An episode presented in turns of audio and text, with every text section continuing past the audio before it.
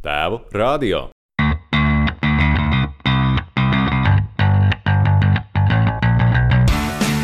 Šajā sarunā par attiecību atjaunošanu ar dēlu, šķirto tēvu sāpēm un dopamīnu nozīmi cilvēka izaugsmē.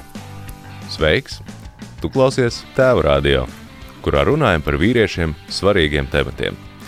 Mani sauc Gatis Smidrovskis, esmu tēvu grupu vadītājs un trīs gadus vecs meitas tētis. Šodien mans viesis ir Ritvars Vulis. Kad runā viņš, visi klausās. Vai tā būtu kāda reklāma, seriāls, filma vai kas cits, ko viņš ieskaņojis kā balss aktieris. Profesionālajā vidē bijis arī mārketinga speciālists gan startupos, gan uh, Latvijas uh, lielajos uzņēmumos. Ritvars plašākai sabiedrībai zināms kā tas vīrietis ar nenormāli skaisto balsi no Supernovas 2018. gadā, kurā piedalījās vēl to dziesmu dēlam, ar kuru zaudēts attiecības dēļ šķiršanās. Tā kā viņš bijis ar biedrību tēvi jau vairākus gadus, kā valdes loceklis pārstāvot šķirtos tēvus, tad par šādiem nērtiem tematiem šodien parunāsim atklātāk. Čau, Ritvar! Čau! Prieks, ka beidzot varam ar tevi satikties. Šis tapa ilgi. nu, nebija jau tik ļoti ilgi. nu, jā, jā, bet pāris reizes to nācās atcelt. Jā. Slimības un kas tik vēl ne. Bet, nu, tad beidzot, beidzot mums ir tā iespēja. Un jā, kā jau ar tevi runājam, nu, tā tēma nav vienkārša. Nebūtu, jā. Tēma ir ļoti sarežģīta. Un jā, par šķirtajiem tēviem tu esi runājis, un man liekas, ir baigi forši tomēr, ka tu esi spējis ar uh, mūziku šo tematu aktualizēt. Nu, kad parādīt, ka mūzika nav tikai izklaide, bet, uh, bet tā var aizkustināt arī tādas svarīgākas tēmas. Nu, gribētos domāt, ka tā ir. mm. Grūti, protams, spriest, ir, vai, vai, vai tas tā ir. Un, uh, vēl grūtāk ir spriest vai apgalvot, ka tas uh, sasniedz sākotnējo ieceri, bet fakts ir un paliek fakts, ka nu, jau man atkal ir attiecības ar dēlu un uh, jau kaut, kā, kaut kādu te pusgadu varētu teikt.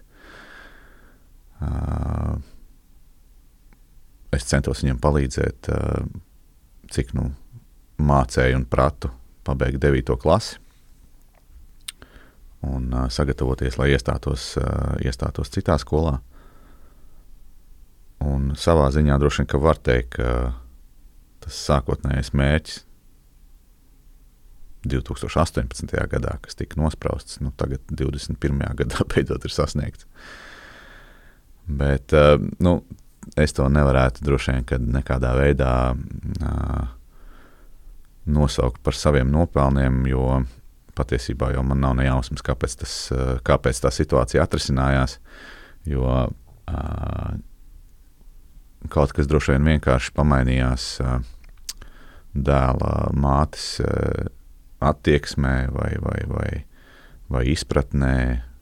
Grūti spriest, nemēģināšu citam cilvēkam vārdus ielikt mutē. Bet uh, viņa bija tā, kas, kas man uzrunāja vienā dienā, sakot, ka, ka, ka man vajadzētu pieslēgties. Nu, tā vienkārši izsakoties. Nu, tā tas arī būtībā notika. Tā kā jebkurā gadījumā tas, ko es gribu ar to pateikt, ir, ka pat ja situācija šķiet uh, dramatiska un bezcerīga, viņa droši vien, kad nav nemaz tik ļoti bezcerīga. Vienkārši tas var prasīt krietni vairāk laika nekā sākotnēji cerēts. Kaut kā tā īsumā. Tas nāk, jā, tad pirms gadiem, trījiem iestādīja sēkliņu. Apmēram. un, un, tagad, tagad nu, beidzot, jā, no tā kaut kas ir jā, sācis saukt.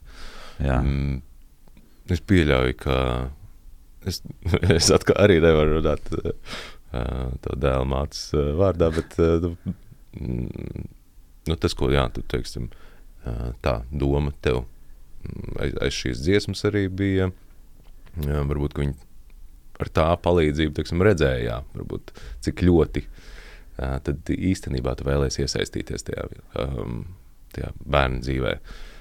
Un varbūt arī, protams, ka ir gā, pārgājis tas pārdzīvojums, bet, jā, kā jau tu teici, jā, ne, nu, ne nu mums ir jā. ko, ko, ko likt vārdus citu cilvēku mutē.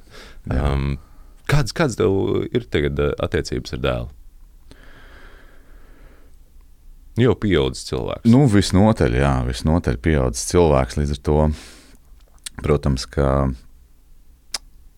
to laiku, kas ir pagājis, to nekādi nevar sasmelt. Un, uh, par to, protams, ir žēl, bet uh, vienlaikus jāteic, ka nebija īsti laika žēloties, jo vajadzēja ķerties uzreiz pie tām mācībām. Viņam nu, saistībā lielā mērā droši vien arī ar pandēmiju un to pandēmijas mācību režīmu. Viņam bija diezgan pamatīgi iekavētas mācības daudzos priekšmetos.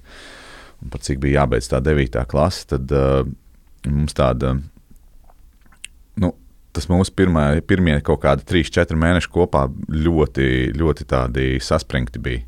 Tur nebija, tur nebija gandrīz nekāda tāda nu, ļoti relatīvi nedaudz uh, kaut kādas izklaides vai kaut kā tam līdzīga. Tas viss bija īstenībā diezgan pamatīgs, uh, smags darbs gan viņam, gan man, lai, lai, lai tiktu galā ar tiem izaicinājumiem, kas bija tieši tajā mirklī. Un, uh, Pēc, nu, parunājam jau tā, ka viņš šeit reāli un, un pie, pie, pie, pieliekam uh, kaut kāds fakts klāt, ka uh, viņš tad uh, dzīvoja ar tevi. Jā, viņš tajā mācību, mācību laikā, nu, jāteic, es nedzīvoju Rīgā. Mm -hmm. un, līdz ar to Līdz ar to kaut kādā ziņā tā droši vien ir priekšrocība, kaut kādā ziņā tā nav priekšrocība, jo teiksim, tāda normāla mācību gada ietvaros šobrīd nav tā, ka es varētu katru otro dienu viņu paņemt no skolas vai, vai tam līdzīgi. Bet, nu, ņemot vērā to pandēmijas situāciju, par cik visas tās mācības bija attālināti, un viņu vajadzēja ielikt kaut kādā rāmī, tad uh, viņš pa nedēļas vidu dzīvoja pie manis, un uh, nedēļas beigās uh, viņš brauc pie mammas. Ja mainīja tās lomas. Jā, jā, jā. Nu, principā mainīts lomas, kā tas ir parasti tipiski šķirtajās ģimenēs, kur, kur tētim tiek brīvdienas, katrs otrās, un, un mammai tiek viss pārējais laiks. Šī reizē mēs kā, šīs lomas mainījām. Un, uh, Un kamēr viņš dzīvoja pie manis, eh, es centos viņu tādā, tādā kaut kādā režīmā dabūt, lai viņš no rīta laicīgi pieceltos, pāriest brokastis, varbūt vēl mazliet pasportot, eh, sagatavotos tai, tai eh, mācību sesijai, un, un, un tad kaut kā sistemātiski mēģināt pildīt mājas darbus un, un visu pārējo, kas viņam ir jādara. Un, un tā, kā, tā kā viņš bija diezgan pamatīgi iekavējis, tad tas viss aizņēma nenormāli daudz laika viņam nenormāli daudz laika. Reizēm bija grūti, reizēm bija uh, caur negribu, caur nevaru, caur nedarīšu un, un tā tālāk. Bet nu, ar to visu kaut kā mēs tikām galā. Skola ir pabeigta, vidusskolā viņš ir iestājies. Līdz ar to zināms uh, gandarījums par to, protams, ir. Mm, par kopīgi izdarīto. Jā. Es, nu jā, es, es uh, tā pieļauju, ka tā pretestība varētu arī būt diezgan liela kad, uh, nu, ir īpaši, jā, ka tu neesi bijis iepriekšējos entos gadus, jā. tik ļoti pieslēdzies un tik ļoti daudz klāt. Nu, un, un tagad ot, ot kārtīgi hands-on, teiksim. Uh, Es, es teikšu, ka patiesībā ir tā, ka tas droši vien nenormāli lielā mērā ir atkarīgs no, no, no bērna personības un no tā, kāds viņš ir pēc, pēc definīcijas. Es neteiktu, ka, bija, ka viņam bija baigā tāda, nu, kaut kāda pārcilvēciska liela pretestība tam visam. Viņš uh, diezgan, uh, diezgan lielā mērā ļāvās tam procesam, un pretestība bija tajā mirklī, kad viņš sāka just tādu diskomfortu vienkārši pats ar sevi, diskomfortu ar to, ka viņam ir milzīgs lodzi, mm -hmm. jo mēs visi nonākam kaut kādā brīdī diskomfortā. Un tā mirklī parādījās pretestība. Pretestība nebija tāpēc, ka, principā, kad tu neesi bijis manā dzīvē, un tagad es tevi neklausīšu. Jo šāda, šāda šāda nostāja principā pat nepastāvēja. Līdz ar to droši vien tas, pateicoties tam savām, savā ziņā, arī nu, tas process bija salīdzinoši veiksmīgs. Mm -hmm. Tas nu, un tad pastāst par to, nu, par to, kā bija pirms, pirms tam, kā, kā, kāda bija tie jūsu sadzīves noteikumi. Pirms, pirms nu, tajā brīdī, kad jūs jā, bijāt šķīrušies. Jā, un, un, un, jā Nu, mūsu tās attiecības, mūsu tās attiecības, mēs izšķīrāmies nu, tā, uz diezgan augstiem toņiem. Bet, Varbūt jā, tad vispār jā. to šķiršanās stāstu var droši vien jāizstāstīt. Nu, jā, nu, tas, es domāju, ka tas arī uh, nav droši vien uh, nevienam tā īsti noslēpums, kā, ka cilvēki jau diezgan ilgi turās kopā, un tad, kad, tad, kad viņi šķirās, uh, visbiežāk tas jau vienkārši tāpēc, ka viss ir, viss ir krietni par daudz. Viss ir sakrājies krietni par daudz. Un tādā mirklī kādam mēģināt un deeskalēt to situāciju, nu, tas ir nenormāli sarežģīti. Reti, kad cilvēkiem pietiek kaut kādas iekšējās disciplīnas, lai to izdarītu. Un es pilnīgi viennozīmīgi zinu, ka man noteikti nebija tādas disciplīnas tajā mirklī. Cik gadus atpakaļ tas bija? Nu, jau man to ir grūti pateikt. Tas jau ir daudzus gadus atpakaļ.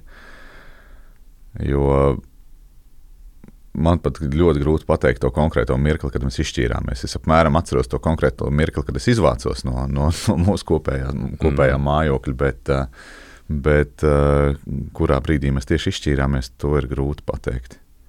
Tas diezgan murgaini īstenībā. Tā, tā, tā, tas, tie pēdējie kaut kādi kopdzīves gadi bija diezgan, diezgan murgains pasākums.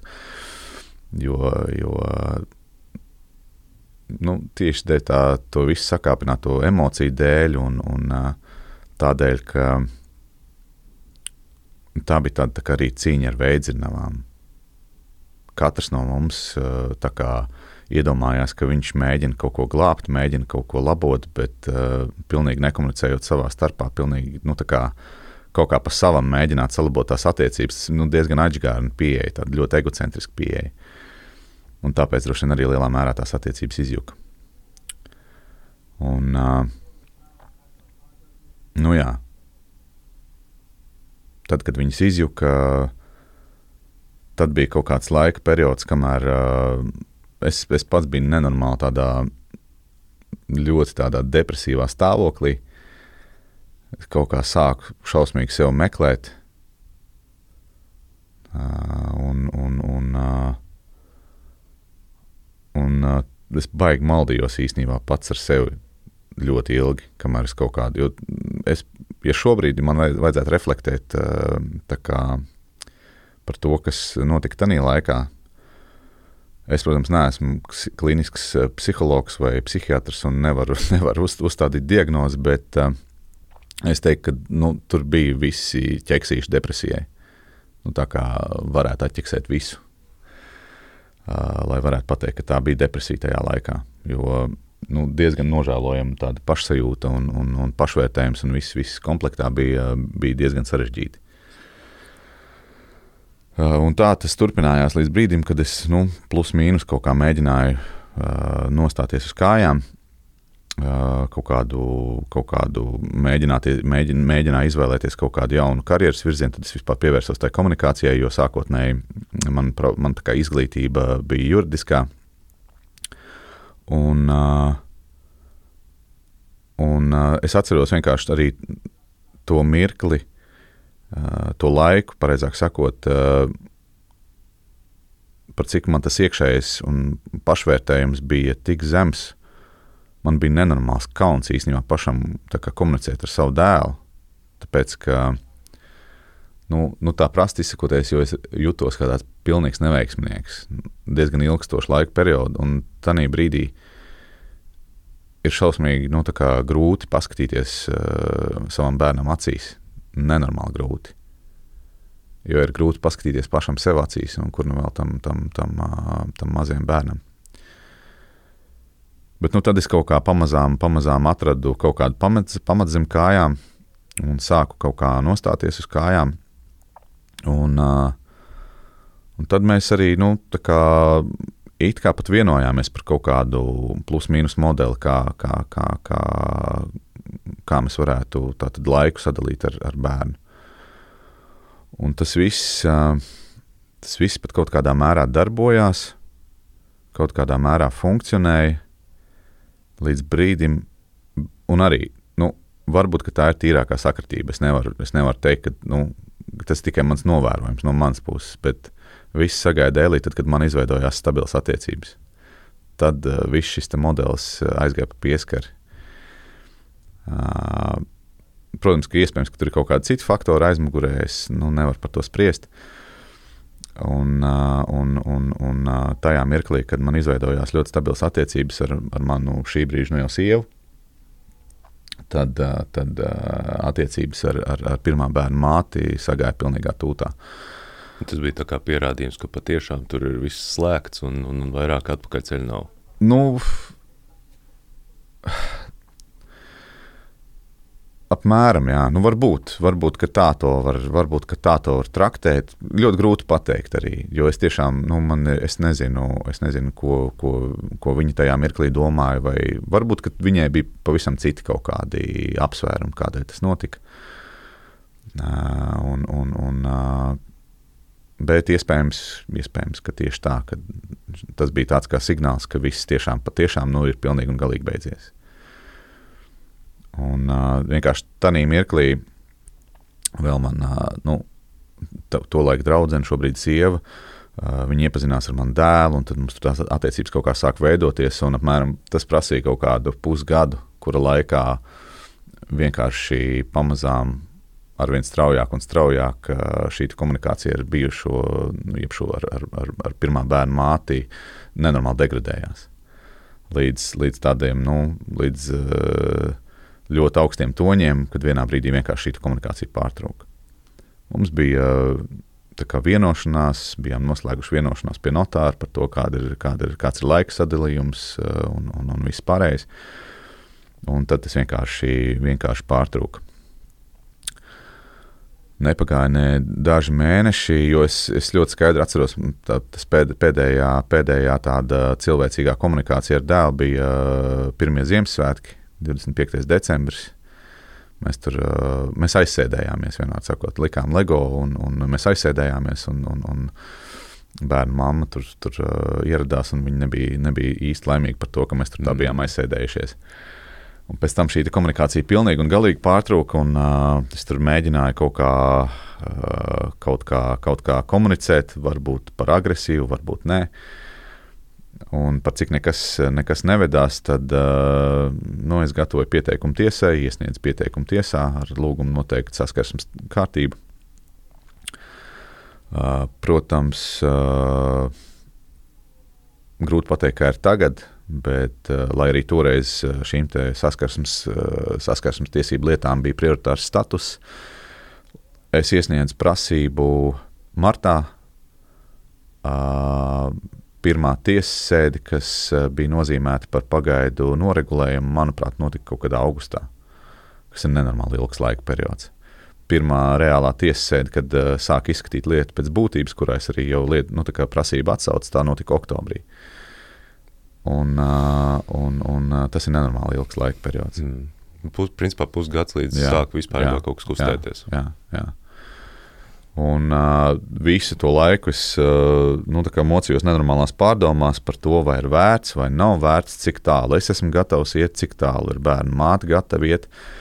Un, uh, un, un, un, uh, tad, tad bija viens gadījums, kad es uh, uh, vienkārši noķēru puiku uz ielas un uh, es gribēju vienkārši ar viņu aprunāties pēc skolas es viņu, nu, es zināju, kurā skolā viņš mācās, protams, un, un uh, es viņu sagaidīju, ka viņam beidzās stundas. Viņš brauc mājās ar divriteni, es viņu noķēru uz ielas, mēģināju ar viņu aprunāties. Viņš bija ļoti sabijies, izvairījās.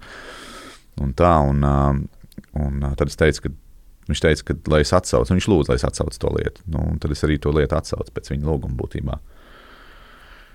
Uh, bet uh, ar to principā viss arī uh, apstājās. Nu, nekāda uh, nekāds reāls noregulējums nebija. Situācija tālāk principā nerisinājās. Un, uh, un tad, jau, tad jau sekoja, tad jau sekoja uh, izmisīgais sauciens supernovā. Ja tas bija vairāk tāds vienkārši kā, kā nu, tāds, tāds paziņojums Es, ne, es, es eh, nevarētu teikt, ka es būtu pacēlis rokas un padevies. Bet es vienkārši tajā brīdī, ja man bija skaidrs, es izvēlējos tādu eh, Gandijas stila nevar, ne, nevardarbīgo pretošanos.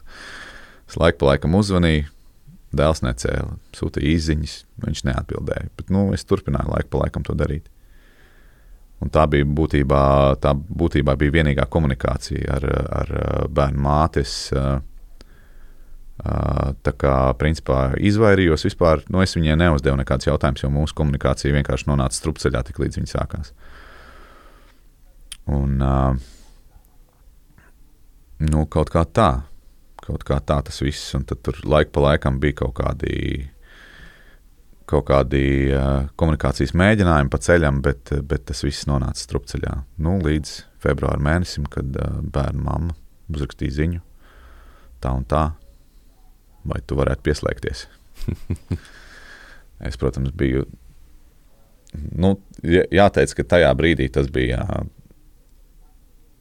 Nu, tas, uh, Es melot, ja teiktu, ka tas bija vienkārši prieka asaras. Ja? Tas bija nenormāls apjukums uzreiz. Mm. Nu, tāpēc, ka, tāpēc, ka tajā brīdī apgriežas tev pasaule kājām gaisā. Pēkšņi tavā dzīvē ienāk uh, gandrīz 16 gadīgs jaunietis, kur tu neesi redzējis jau cik gadus. Un, protams, ka tev dzīve ir jāpārkārto tam visam. Man šobrīd ir arī nu, cita ģimene, man ir meita, kur ir trīs gadi, un mums visiem ir jāpielāgojas tajā jaunajai situācijai. Protams, liels paldies manai sievai par to, ka viņa, viņa principā atbalstīja mani visu šo laiku. Viņa atbalstīja arī ar visiem maniem supernovas mēģinājumiem, kad viņi bija stāvoklī ar, ar lielu vēderu. Un, un, un viņa atbalstīja visu šo laiku. Un, protams, tajā brīdī, kad šī ziņa atnāca, viņa teica, jā, nu, kā, kāpēc tu vēl te sēdi? nu, tā. Un, jā, nu tā kaut kā. Mm baigi forši. Bet tad uh, mm, tavs variants nebija gluži tie, tas standarta 13% tētis. Ja? Kādā ziņā? Um, nu, kad uh, jums visu šo teiksim, iepriekšējo laiku uh, nu, tā komunikācija vai, vai uh, nu, principā bija pazudusi, un viņš, viņš pie jā, tevis jā, jā. nedzīvojās. Nē, nē, nē tad, tas, tas, tā vienošanās, kas mums bija noslēgta, mums bija faktiski tieši tāda pati standarta 13% tēci. Katru otrā nedēļas nogali tur kaut kādās darbdienās izņemt bērnu no skolas un tam līdzīgi. Bet nu, tā vienošanās nedarbojās reāli.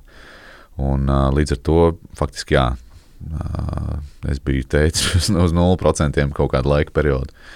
Tā tas, tā tas pilnīgi noteikti ir. Mm, es pieļauju, ka daudzi varbūt arī pat nav dzirdējuši par šo teiksim, terminu. Teicis uz 13%. Mm, varbūt, ka tu vari pastāstīt. Lab, labāk ne, no, no, no, no, no tavas mutes tas skan. Nu, kāda ir tā jā, šķirto tēvu realitāte? Jā, jā, jā. Nu, um, Latvijā tā ir, varētu teikt, tāda kultūras un tiesas praksa, kas vienu otru papildina. Biedrība tēvi savulaik ir veikusi divus diezgan apjomīgus pētījumus. Un viens no tiem pētījumiem bija tieši, tieši par šķirto tēvu iesaistīja bērnu audzināšanā. Un, pirmā īpatnējā iezīme, lai gan tā nav īpatnēja, nav īsti pārsteidzoša, bet ļoti skaidrā iezīme, pareizāk sakot, kas ir mūsu kultūrā, ir tā, ka ģimeni, ģimeni kā kopīgu, kopību, kā nedalāmu vienību, mēs kā sabiedrība uzlūkojam māti ar bērnu. Tā ir šī nedalāmā vienība tēvs visur tiek pielikts klāt kā apendicīts. Nu, viņš ir kā, kā, kā, kā, kā piedēklis visam pasākumam. Un, uh, un izējot no tā, uh, izējot no šī modeļa, ir veidojusies tiesa prakse un kultūras prakse, ka šķirto ģimeņu gadījumā uh, tēva pavadītais laiks ar bērnu ir, ir diezgan konkrēta formula. Un šī formula ir katra otrā nedēļas nogale. Uh, un uh, kaut kādās darbdienās tēvs izņem, izņem bērnu no skolas. Tīri matemātiski to visu sarēķinot, sanāk, ka tēvs bērnu audzināšanā piedalās 13% ar, ar, ar, ar, ar kapekām. Tāpēc no turienes arī nu jau tautās aizgājušais termins tēvs par 13%.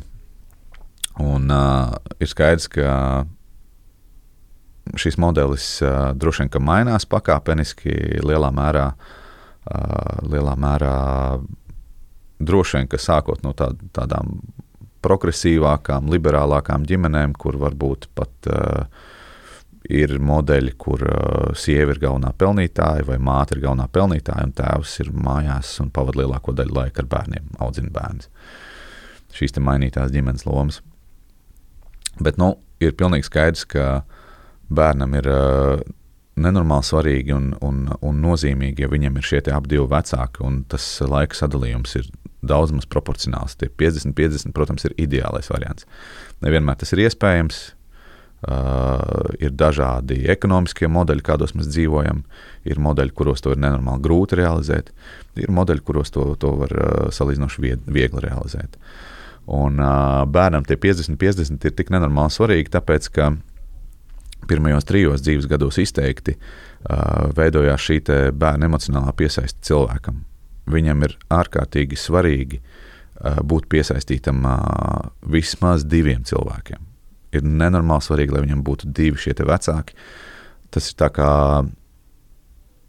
nu, faktiski uh, šis ir tas gadījums, kad uh, divi ir daudz labāk nekā viens. Ja tev ir viena piesaistīta persona, tas nozīmē, ka gadījumā, ja tev kaut kas nesaskan ar to vienu piesaistītu personu, tev nav otra pie kā aiziet. Ja tev ir divas piesaistītas personas, tad tas jau ir daudz labāk. Un bērnam tas ir nenormāli svarīgi, lai viņš varētu stabili emocionāli attīstīties, pilnvērtīgi attīstīties. Nu, un šo es ļoti cenšos šīs te, savas kļūdas labot ar otro bērnu. mm. Jā. Nu tā, par 13%.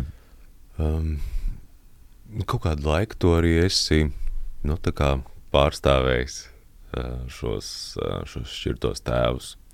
Um, va, nu, un, un, un, un daļu no viņiem es arī iepazinu, dzirdējis vairākus stāstus. Varbūt, um, varbūt var pastāstīt, kāda viņi ir. Uh, vai jūt kādas līdzības šajos vīriešos, viņu stāstos, uh, varbūt tajās, tajos viņu pārdzīvojumos? Jā, nu, Uh, teikšu tā. Uh, tad, kad uh, ir, ir pat baidos samaloties, negribu teikt, kas to ir teicis, bet uh, ir tāds, tāds ļoti labs teiciens, ka uh, tad, kad mēs esam laimīgi, mēs esam ļoti līdzīgi savā laimē, bet nelaimē mēs esam ārkārtīgi individuāli. Mēs nelaimīgi esam ļoti katrs pa savām. Un, uh, un uh, šī te uh, šķirto tēvu kategoriju, jo īpaši tie, kuriem nav izdevies izšķirties mierīgi, bez, bez, bez kašķiem un, un skaidri sadalīt šīs attiecības un, un turpmāko bērnu audzināšanas procesu. Šie ir ļoti nelaimīgi cilvēki. Tajā mirklī viņi ir ārkārtīgi nelaimīgi cilvēki, un viņi visbiežāk ir ārkārtīgi sagrauti cilvēki, jo viņiem ir, nu, pat es pat teiktu tā, neatkarīgi no tā, cik ļoti lielā mērā viņi to apzinās, viņiem ir atņemta ļoti liela daļa viņu, viņu pašu. Un, kā, nu, mēs to saucam par atraut daļu no sirds, ja? un šis ir tas īstākais gadījums. Cik lielā mērā, protams, ir aizskarts kura ego vai, vai, vai, vai cik lielā mērā viņš tiešām emocionāli pārdzīvo par to, kas ir noticis, tas ir cits stāsts. Tā ir ļoti individuāla nu, iezīme katram gadījumam. Bet uh, kāpēc es šobrīd ārkārtīgi vairos par to, par to, par tādām individuālām lietām runāt? Iemesls ir tāds, ka mēs kā sabiedrība esam pieraduši uh, komunicēt par problēmām tādā stāstu līmenī. Un, uh, stāstu, stāstu līmenī komunicēt par problēmām no vienas puses ir ļoti labi, jo tas ir nenormāli efektīvi. Jo stāsti, kā zināms, tā ir ļoti uh, ļoti sena forma, jā, kas nāk vēl no, no, no, no alu cilvēku laikiem. Un viņi ir ārkārtīgi efektīvi, lai nodotu informāciju. Labākais mārketinga veids. Labākais mārketinga veids, veids jā. Bet vienlaikus tas ir neobjektīvākais mārketinga, nu, ne, neobjektīvākais informācijas pasniegšanas veids. Tā iemesla dēļ, ka uh, tas stāsts var dot priekšstatu par vienu konkrētu gadījumu, uh, bet uh, mēs nevaram no viena konkrēta gadījuma veidot priekšstatu par visu kopējo problēmu. Nu, mēs nedrīkstētu tā darīt. Jo, teiksim, tīri statistiski tas viens gadījums neatspoguļo kopējo ainu. Un, lai runātu par kopējo ainu, tur ir vajadzīga daudz dziļāka izpratne par, par kaut kādām kopējām vienojošām lietām, kas ir, saist, kas ir kopējas un vienojošas visos tajos gadījumos. Un, kuras cenšoties labot, varētu panākt kaut kādu pozitīvu efektu uz, uh, attiecībā uz visām, visām tām problēmu situācijām. Bet uh, nākamā problēma ir tāda, ka tas ir vienkārši pārāk komplicēti. Mēs, uh, gribot, negribot, te ir runa par, par uh, haotiskām, saliktām sistēmām, kāds ir cilvēks pats par sevi, uh, daudzas parādības dabā. Mēs esam pieraduši pie tādas uh, deterministiskas pieejas zinātnē, deterministiskas pieejas pasaulē kā tādai, ir tāds jēdziens Clockwork Universe. Jo zinātnē ļoti ilgi mums ir mācījusi, tāda Newtona zinātne ir mācījusi, ka mēs varam paņemt problēmu, ja, mēs viņu kā pulksteni varam izjaukt, apskatīties, kas nedarbojās, salabot, salikt pulksteni atpakaļ un viņš darbosies. Uh, Bet, uh, kad uz to, uz to kopējo ainu paskatās plašāk, tad uh, tās problēmas, kuras šādā veidā var atrisināt, ir viena maza, maza margināla daļa. Zinātnē uz viņām ir koncentrējusies lielāko zinātnes pastāvēšanas laika periodu, tāpēc, ka viņas ir iespējams atrisināt.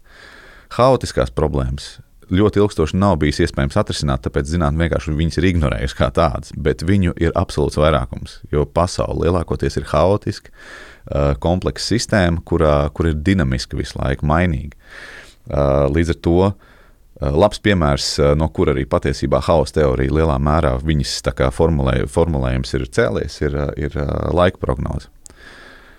Ja mēs paskatāmies uz laika prognozi, viņa ir diezgan precīza. Nu, šobrīd varbūt ilgāk, bet tad, kad, tad, kad sākumā, sākumā veidojās hausa teorijas, visi pamat, pamatprincipi, laika prognoze ir diezgan precīza, apmēram trīs dienas uz priekšu. Nākamās trīs dienas precizitāte krītās pa 50% un arvien trakāk un trakāk un trakāk. Nu, precizitāte, teiksim, nedēļas priekšā ir galīgi off. Mm. Ja.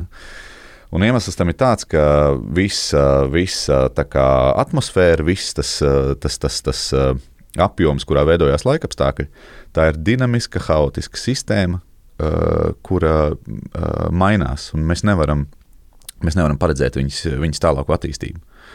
70. gados pie pirmajiem mēģinājumiem veidot, veidot datoru simulācijas laika prognozēm. Amerikāņu zinātnieks, kurš bija matemātiķis un meteorologs, vienkārši nošāva greizi. Viņ, viņš pieļāva vienu kļūdu, nosacīti tā laika Excelī Uh, neierakstot pāris decimāls, de, decimāls skaitļus aiz komata, jo tika uzskatīts, ka tur uh, 3, 4, 5 skaitlis aiz komata viņš neradīs lielu problēmu, viņš ne, nemainīs neko. Bet viņš uzbūvēja kā atkārtot modeli, neierakstot tos dažus ciparus aiz komata tālāk, un uh, viņš redzēja, ka sākumā tas, uh, tas modelis attīstās tieši tāpat kā pirms tam, bet vienā brīdī viņš aiziet pilnīgi citā līknē.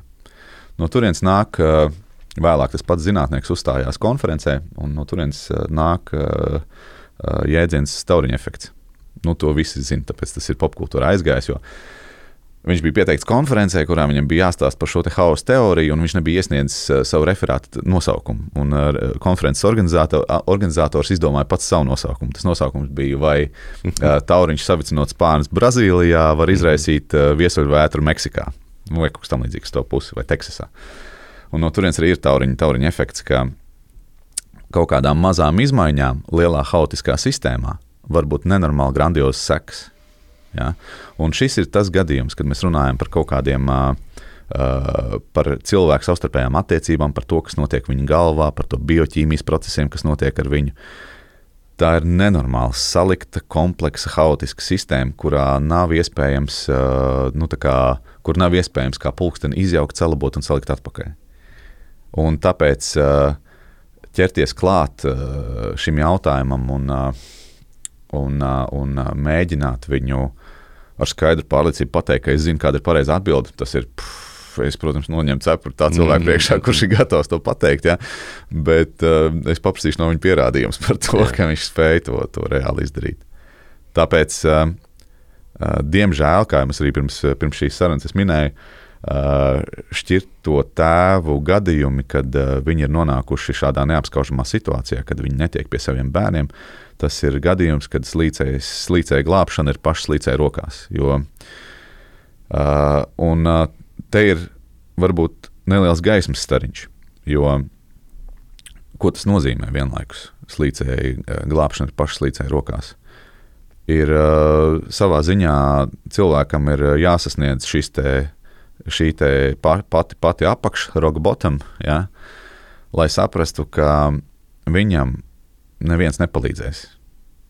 Nu, šajā situācijā, kurā viņš ir nonācis, viņam neviens ārēji nevar atnākt un šo situāciju salabot. Un visdrīzāk arī viņš pats to situāciju nevar salabot. Tā ir vienkārši tas ir eh, pieņemt šo faktu.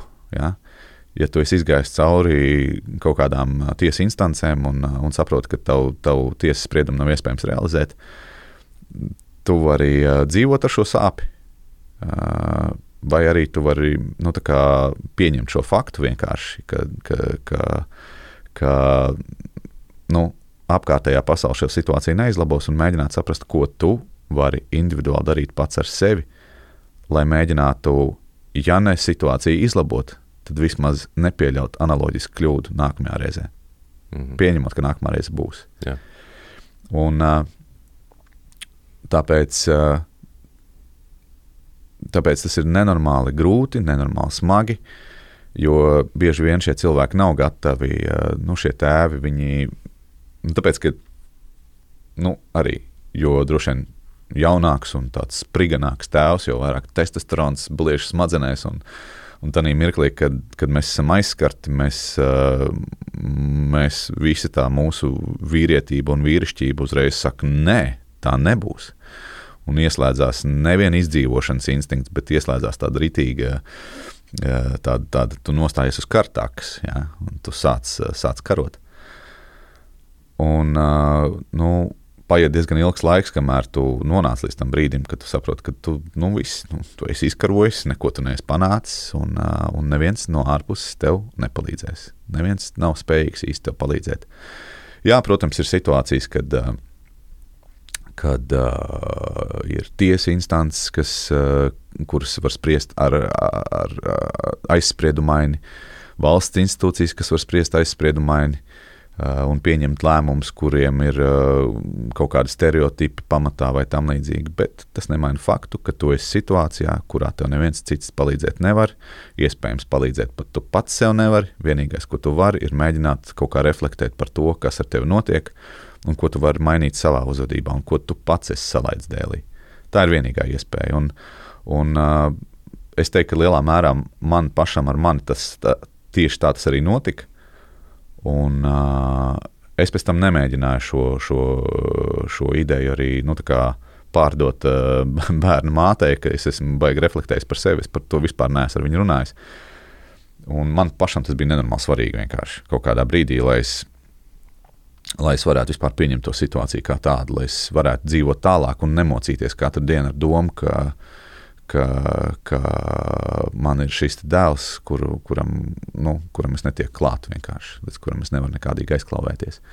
Jo tā ir diezgan mokoša apziņa. Katru rītu pamosties ar domu, ka, nu, varbūt tu katru rītu nepamosties, jo, jo dzīve ir dinamiska, viņi prasa no tevis atbildību un tā tālāk, bet katru reizi, kad tu par to atceries, tas ir, tas ir sasodīt mokoši.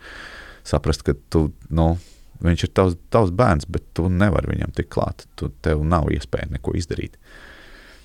Un vienkārši iemācīties ar šo domu sadzīvot, tas droši vien bija nu, lielākais tāds iekšējais sasniegums kaut kādā mērā. Un, nu jā, un runājot par institūciju aizspriedumiem, nu, tas ir kaut kas, no kā mēs vēl kādu laiku droši vien vaļā netiksim. Nu, tas mm. ir vienka, tā vienkārši ir dzīves sastāvdaļa, tā ir mūsu kultūras sastāvdaļa. Tas ir. Nu, tam visam pamatā ir tas uzskats, ka ģimenes kodols ir māte un bērns, ja, un tēvs ir tas patīkamais piedēklis, kurš nes mājās mamutu. Droši vien, jā, bet tas arī nav. Tas, tas ir ļoti interesants Nobel, Nobel, Nobeļa prēmijas laureāts eh, Daniels Kanemans. Uh, viņš savulaik iegu, kā psihologs ieguva Nobeļa prēmiju ekonomikā, pētot uh, ekonomiskās teorijas. Un viņam ir grām, viņa, viņa grāmata, pat ir tulkot latviešu valodā. Uh, saucās Domā, ātri, domā lēni. Un uh, viena, vienā no nodaļām viņš, viņš apraksta ļoti konkrētu, konkrētu uh, piemēru, uh, pētniecisko piemēru Izrēlā. Tika pētīts. Tie bija gadījumi, kur bija jānosaka kaut kāda priekšlaicīga atbrīvošana. Ja? Ir tiesas sēde, priekšlaicīgās atbrīvošanas tiesas sēde. Un tika pētīti, pētīts korelācijas starp kaut kādiem lielumiem un ties, tiesneša, tiesneša noteikto lēmumu. Un izrādījās, ka tieši pirms pusdienas laika tiesnešu lēmumi ir daudz bargāki. Jā, daudz retāk viņi dod iespēju cilvēkam priekšlaicīgi tikt atbrīvotam. Turpretī uzreiz pēc pusdienām, tad, kad tiesnesis ir paēdis un labā omā, viņa lēmums ir daudz pozitīvāks. Aizspriedumi mēdz būt ne tikai šādi kultūrāli, viņi, viņiem var būt ļoti daudz augt kājas no ļoti daudzām dažādām vietām. Un, teiksim, lai es domāju, ka mums vēl ir ļoti tāls ceļš priekšā, lai gan Igauni jau meklē kārtīgi reizi, Igauni mums ir priekšā. Igauni jau ir paziņojuši, ka viņi tieslietu sistēmā mēģinās izmantot mākslīgo intelektu ka viņi pēta šīs iespējas. Es domāju, ka mākslīgais intelekts varētu būt ceļš, kas, kas ļautu būt daudz objektīvākam kaut kādu ļoti konkrētu apstākļu izvērtēšanā, nepieejaucot klāt savus kaut kādas personīgās. Teiksim, izsalkumu vai, vai, vai kaut kādas citas simpātijas vai antipātijas. Jo ir tāds jēdziens, pūļa gudrība. Mm. Uh, viņš cēlies no, neatceros, kā, kā bija britu, britu zinātnieka vārds, bet uh, vienmēr sakot, eh, no, norisinās tie kaut kādi vēlēni, viduslaika vai renaissance, vienalga, tam nebūtu nozīme. Bet ir tā, tad notiek, notiek šis tirgus. Ja? Un uh, tirgu uh, ir, ir, ir uh, tā tad, uh, izsludināta tāda, tāda kā loterija.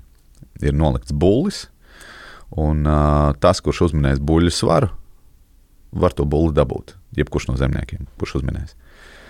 Un šis britu zinātnēks, tas, ko viņš darīja, viņš apkopoja, apkopoja vienkārši visus šos datus, ko cilvēki, ko cilvēki rakstīja.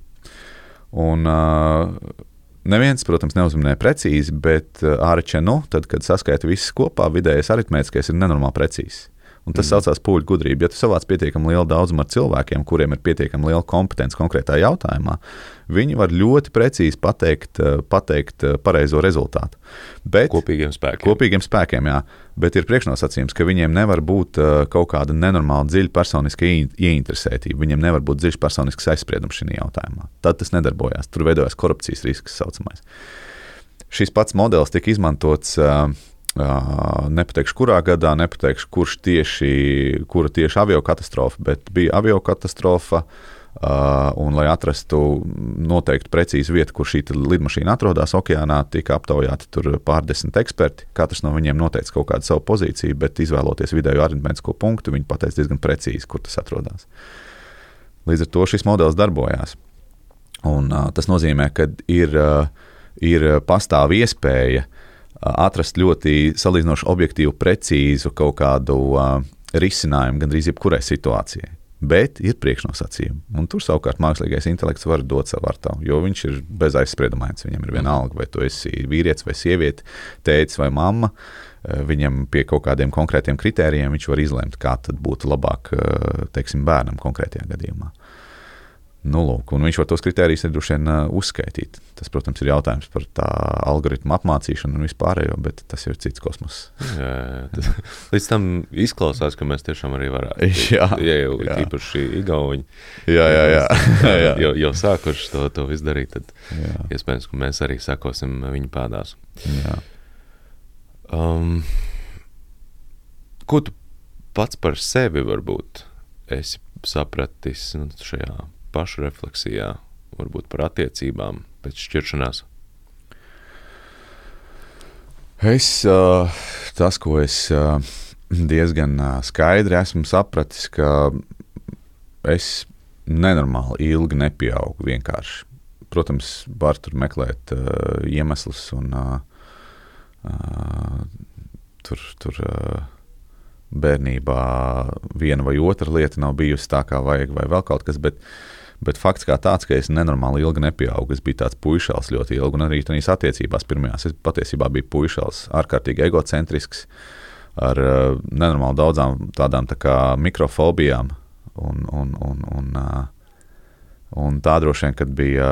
Uh, nu, tā bija, tā bija uh, viena no lietām, kāpēc tās attiecības noteikti izjuka. Nu, bez šaubām, pagalma nedeg viena. Uh, un, un, un uh, arī, arī bērnu mammai bija savas problēmas, ar kurām viņai, viņai jātiek galā. Bet tas ir visiem cilvēkiem, mm. jebkuram cilvēkam. Jebkurās attiecībās vienmēr katram no, no, no diviem cilvēkiem ir kaut kādas problēmas, ar kurām viņam ir jātiek galā.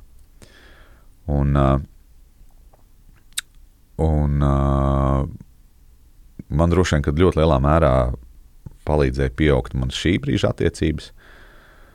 Uh, iespējams, lielā mērā pateicoties tam, ka mana sieva vienkārši nenormāli daudz, daudz ir tolerējusi manu, manu, nu, manu bērnišķību kaut kādās lietās. Un tas man ir, bet vienlaikus viņi, nu, viņi ir kā nevis vienkārši pacietusi, bet uh, viņi ir arī nu, reflektējusi par šo tēmu ar mani un, un ir atradusi kaut kādu veidu, kā kā, kā ar mani komunicēt, uh, lai, lai tas, nu, lai es to arī uztvertu kaut kā. Es nezinu, vai viņi to ir darījusi apzināti, cik apzināti. Varbūt vienkārši tā ir viņas personības, viņas personības šķautne, ka viņi to spēja tā izdarīt. Un, tas droši vien, kad tā, tā, tā pieaugšana, tas ir, tas ir tas ir tā, tā, tā, tā, tā nozīmīgākā daļa, ko es teiktu, kas ir manī mainījies. Protams, ka pētot arī to, to visu aizmugurējo pusi, ir, ir, ir neirozinātnieki, kuri uzstāja faktiski uz to, ka pienāks kaut kāds brīdis uh, zinātnē, kad um, visas, uh, visas uh, zinātnes disciplīnas, ieskaitot psiholoģiju, psihiatriju, antropoloģiju un vispār, tas viss palīdzīs zem neiro, neiroloģijas apakšā. Tā iemesla dēļ, ka nu, jau salīdzinoši daudz ko ir iespējams izskaidrot ar to, kā, kā vienkārši smadzenes funkcionē, kā, kā notiek kaut kādas hormonālas izmaiņas un uh, kā šī bioķīmija darbojas.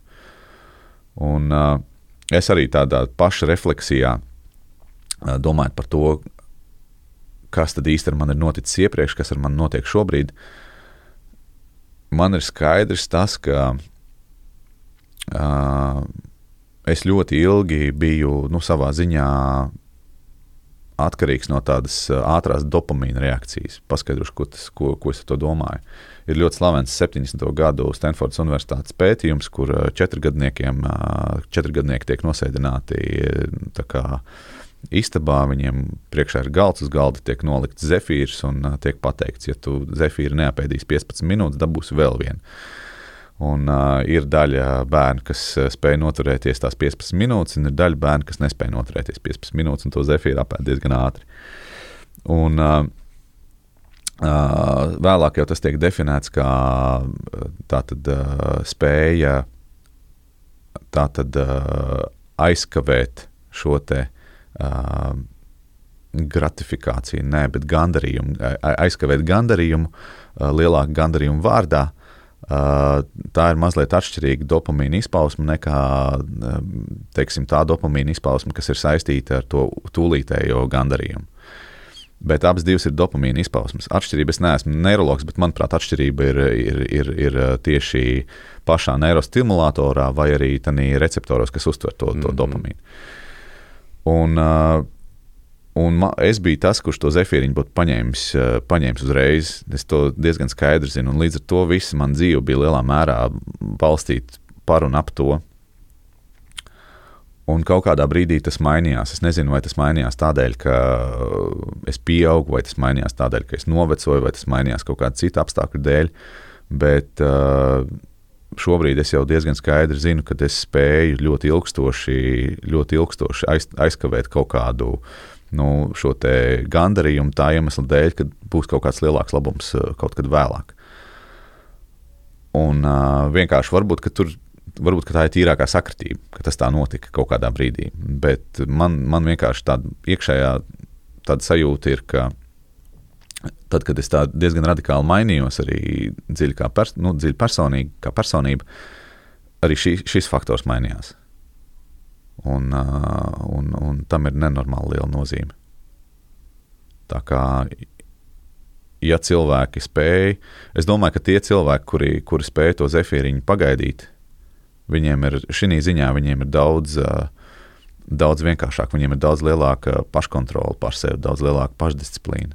Šis pētījums īstenībā arī teiksim, parādīja pēc tam papētot šos cilvēkus, šos bērnus, kas uh, no, no sākuma ir izgājis, pēc tam viņus paskatoties uz viņiem pēc šķiet, 15, 20 gadiem, jā, cik, jā. un tad, kad viņi jau ir pieauguši un viņi ir nonākuši jau, jau darba vidē, mm. tad arī ļoti liela korelācija bija starp to, ka šie bērni, kuri bērnībā varēja atturēties no šīs tūlītējās gandarījuma sajūtas vai, vai gratifikācijas, uh, tie, kuri varēja aizkavēt to savējo dopamīnu tieksmi, viņi arī, um, tad, kad viņi pieaug, um, arī ļoti, ļoti izteikti parādījās, ka viņi ir, ir sasnieguši vairāk, jo viņi šo uh,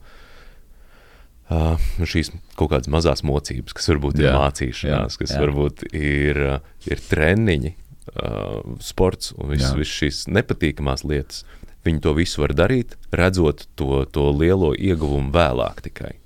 Uh, savukārt, jā, tie, tie, tie bērni, kuri uzreiz atkrīt un viņiem vajag tūlīt, tūlīt, tūlīt uh, šo, uh, nu, jā, pieņemsim to pašu dopamīna uh, devu.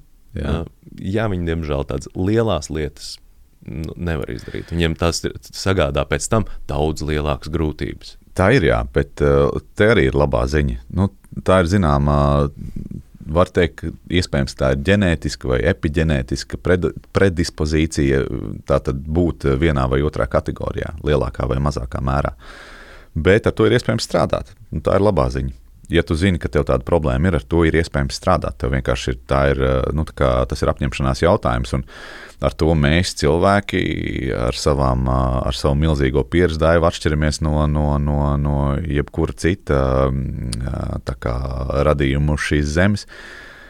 Ja mēs ļoti, ļoti gribam, mēs varam sevi pamazām, pa bišķiņu, pa bišķiņu piespiest un strādāt tādā virzienā. Mēs, protams, kad uzreiz negāzīsim milzīgus kalnus, bet ja mēs pamazs drusciņam sāksim pilināt tādā virzienā, mēs varam to mainīt. To, to, tas, tā nav tā kā absolūta priekšnoteiktība. Jo uh, uh, smadzenes un uh, smadzeņu funkcionalitāte. Smadzenes ļoti elastīgas. To jau tagad arī visi, visi kā, kladzina visās malās, ka, ka, ka smadzenes ir elastīgas un viņas spēj pielāgoties situācijai. Ja vien, ja vien ir vajadzīgais stimuls un tiek veidot šie te, uh, neironu ceļi jaunie, kas ir vajadzīgi, lai, lai, lai kā, tiešām uh, radītu šo jaun, jaun, jaun, jauno modeli tieši, tieši konkrētā cilvēka smadzenēs. Tā kā, jā, tās ir labas ziņas, to ir iespējams mainīt. Un es pat, es pat teiktu tā, ka tie vecāki, kas skatās uz saviem bērniem un ļoti rūpīgi nu, kā, tiešām domā līdzi uh, tam, kā palīdzēt bērnam laik, kā, izaugt la, laimīgākam, un veselīgākam un veiksmīgākam. Viņi jau diezgan laicīgi var pamanīt, ja, te, ja viņš kā, vairāk iekrīt tajā kategorijā, kurš gribētu to būciņu uzreiz apēst. Ja? Un ar to arī ir iespējams strādāt. Un jo ātrāk sāk ar to strādāt, jo, jo, jo, jo ātrāk ir rezultāts un, un, un, un lielāks ir rezultāts. Mm. Tā kā jā. Jā, tam, tam es pilnībā piekrītu. Un, uh, šī ir ļoti svarīga tēma, jo tas uh, pieredzi dēvs, par kuru tu runāji, uh, tas arī šī smadzeņu daļa, ja es pareizi saprotu, tiešā mērā arī uh, atbild uh, par, par šo procesu, kur mēs uh, pārunājam. Jā. Un, uh, diemžēl pieredzi dēvs mums attīstās visilgāk. Jā. Vīriešiem ja es pareizi atceros, līdz 25 gadiem, sievietēm līdz 21 gadam. Viņas nu, ātrāk tomēr nobriest. Nu jā, tur, tur, tas, protams, tur kā, kā viens ļoti izcils amerikāņu neiroloģis Roberts Sapolskis, profesors. Savulaik teica, ka nu, tas nav gluži kā ar nazi nogriezts 25 gados pārstāvjā augstā, bet, bet, bet princips kā tāds, jā, jā, tieši tā arī ir. Nu, kuram kurā brīdī tas pat droši vien nav tik nenormāli svarīgi, bet, eh, bet fakts kā tāds, jā, ka uh, es vienkārši man ir, bij, man ir bijusi saruna ar, ar, ar manu tēvu par šo jautājumu, jo arī uh, viena lieta ir prasīt atbildību no bērna. Uh, teiksim, prasīt atbildību no bērna par sekmēm. Ja viņam ir viena lieta, ja viņam ir septiņi gadi, ko nozīmē prasīt atbildību no bērna par sekmēm. Tas, ko pieaugušie bieži vien aizmirst, ka viņš aizvien ir tikai bērns, viņš, viņš nav pieaudzis cilvēks. Viņam, protams, ir jāatbild par savām sekmēm, bet uh, viņš nevar līd, atbildēt līdzvērtīgi kā 40-gadīgs vīrietis. Jā. Cits stāsts ir uh, 16-gadīgam uh, jaunietim prasīt atbildību par sekmēm. Viņam veidojoties šai pašai pieredzēji vai uh, tur tādā vecumā tā smadzeņu ķīmija vispār spridzina nenormālas brīnuma lietas, un, un, un tajā vecumā bērni, jaunieši ir daudz izteiktāk vērsti uz risku uzņemšanos. Viņi ir daudz, daudz, daudz vairāk kā, spēja uzņemties risku tādēļ, ka viņi nu, tā dēļ tās, tās, tās tā gandarījuma, ko viņi tūlīt varēs iegūt. Un, līdz ar to tur atkal ir atbildība par mācību par akadēmiskajām sekmēm, akadēmiskiem rezultātiem. Tā atbildība, ko no viņa var prasīt, ir pavisam savādāk. Tur nenormāli filigrantam ir jāpieiet, lai, lai, lai pirmkārt viņu pašu stimulētu, lai neuzņemtos atbildību viņa vietā, bet vienlaikus arī nu, neiedzītu viņu kaut kādos nenormālos kompleksos par to, ka viņš ir pilnīgs lūzers un viņš nespēja, nespēja elementāras lietas izdarīt. Un, uh, tur ir baigi smalkā robeža. Un tāpēc, jā, vēl jau vairāk ir žēl, žēl šķirt to vecāku, kur nespēja savas attiecības sakārtot. Jo tieši šādas nianses atrast un, un izķert un, un uh, piepulēt, tas ir nenormāli grūti jau piln, nu, nosacīt pilnvērtīgā ģimenē, standarta ģimenē. Tas ir nenormāli grūti. Kur nu vēl tādā gadījumā, ja vecāki ir šķirti, un kur nu vēl tādā gadījumā, ja vecāki nespēj savā starpā komunicēt, tas ir vienkārši neiespējami. Un tas nozīmē, ka tas bērns aug pašplūsmā. Ja bērns aug pašplūsmā, var gadīties visādi. Varbūt, ka viss ir nenormāli labi, viņš izaug, viss ir kārtībā. Var gadīties, ka ir baigās ziepes. Mm. Nu tā.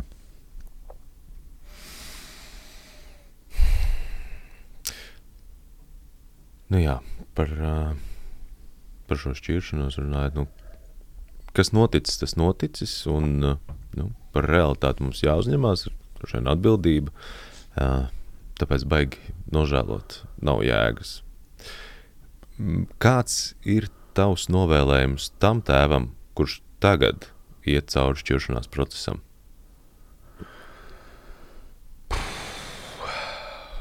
Jā, tas ir. Mans uh, novēlējums neatkarīgi no tā, ko, ko, ko šis cilvēks dara, nu, tīri procesuāli nosacīti, ir uh,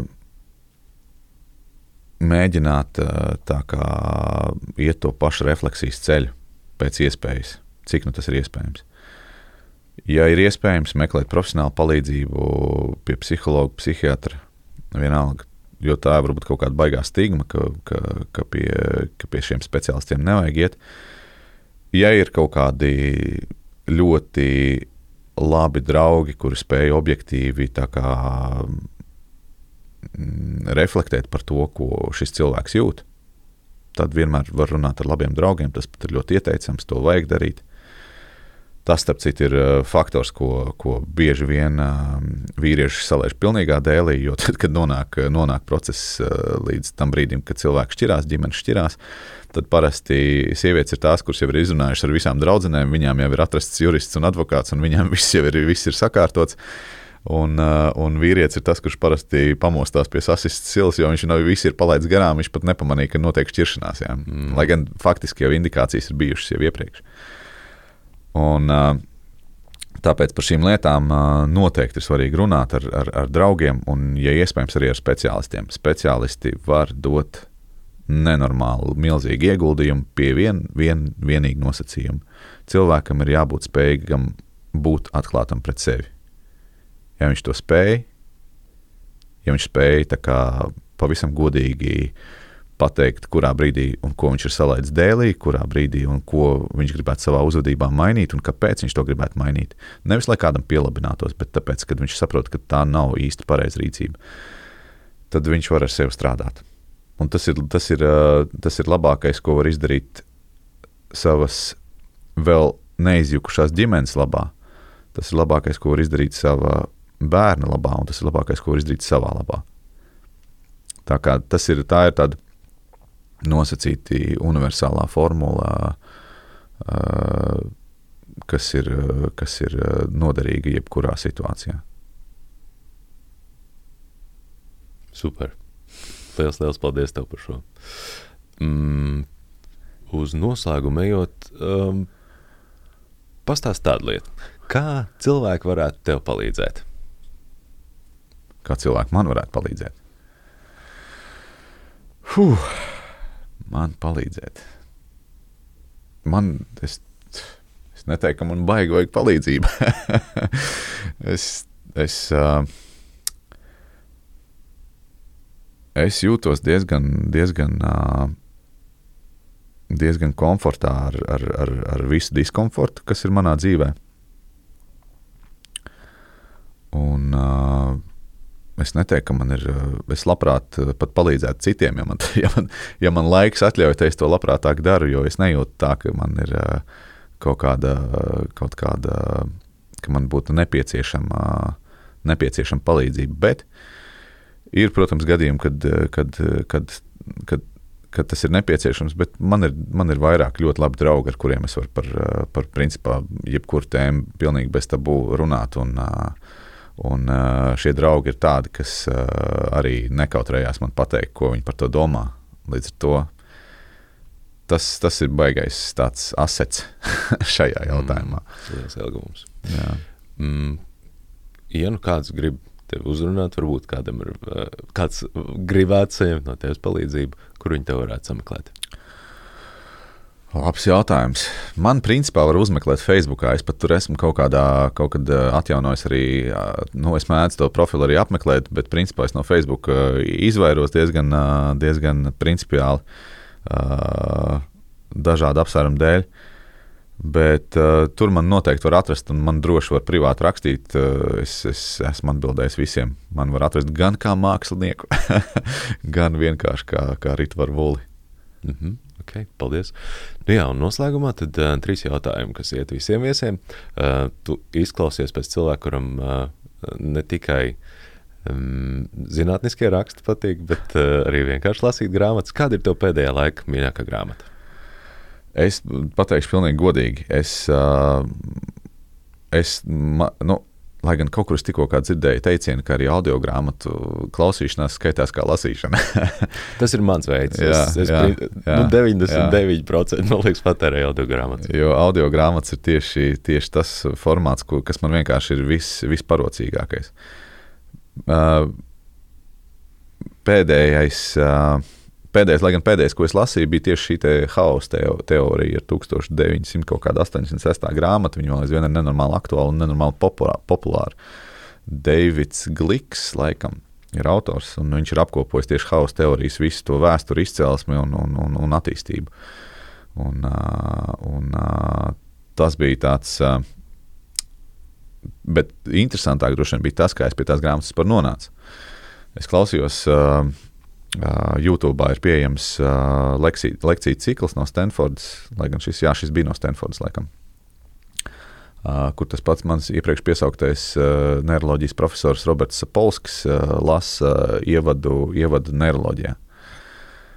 Kaut kāds 20 lekcijas apmēram, nu, tur pārpa stundu katra ir. Bet viņas jau ir diezgan pavecas, tas ir kaut kāds 2010. gads apmēram. Uh, Uh, bet uh, es domāju, ka ļoti daudz kas no tā aizvien ir uh, aktuāls un, un still standing, tā teikt, zinātnīs kopienā.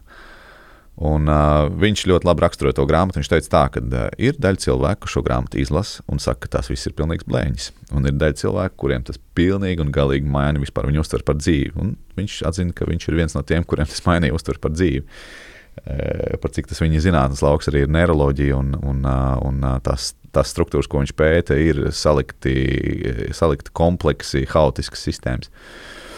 Un, no turienes es arī, arī, arī pieķēros tieši šai haosa teorijai. Es teiktu, ka, jā, ka tas diezgan dramatiski pamaina, pamaina skatu uz dzīvi un, un uz, uz, uz, nu, uz pasaules uztveru būtībā kā tādu. Tas ļauj ļoti daudzas lietas, ko varbūt kādreiz es uh, uztvēru ārkārtīgi egocentrisku un ārkārtīgi personīgi, kā, kā kaut kādu uzbrukumu man, tas tev ļauj saprast, ka nu, caur tādu ļoti, ļoti struktūrētu informāciju, ka nu, man, es, nu, kā tāda zvaigžņu putekļu daļ, daļiņa, ja, es esmu nu, nenozīmīgāks par nenozīmīgu. Ja, līdz ar to tā, tā kā absolūti pret mani personiski kaut kas vērsts, nu, tās ir ļoti atsevišķas, ļoti individuālas lietas. Lielākoties tas, jebkurā gadījumā, tā ir kaut kāda paša cilvēka problēma. Viņi vienkārši netiek ar sevi galā, un tad viņi kaut kā izgāž uz citiem. Un līdz ar to tas, tas man nenormāli palīdzēja arī kaut kādā ziņā pārkārtot to visu, salikt pa plauktiņiem, pareizāk sakot. Tā kā jā, haosa teorija rekomendēju visiem, kam ir, kam ir interesi par šo tēmu. Mm -hmm, ok, paldies. Uh, otrais jautājums, vai tu tici citplanētiešiem? Eh, ticība vispār kā tāds jēdziens man ir eh, diezgan, eh, diezgan nu jau svešs, es teiktu. Jo es nesaprotu, es godīgi sakot, ticību kā ticību es nesaprotu vienkārši. Man, man tas ir, nu jau tas ir pārāk abstrakts jēdziens. Es kā statistisko varbūtību, es redzu, jā, viņi visdrīzāk ir kur, cik tālu, vai mēs ar viņiem kādreiz sazināsimies, vai nē, vai mēs ar viņiem kādreiz satiksimies. Nav nejausmas. Bet statis, statistiskā varbūtība ir, ka viņi ir līdz ar to. Jā. mm -hmm, okay. Šī, šī atbilde man ļoti patīk. I'm a believer. okay. Un uh, kas ir viena lieta, mācība, ko tu atceries no tēva? Viena lieta, mācība, ko es atceros no tēva. Baigi labs. Baigi labs. Tas, ko man tēvs ir nu, kā,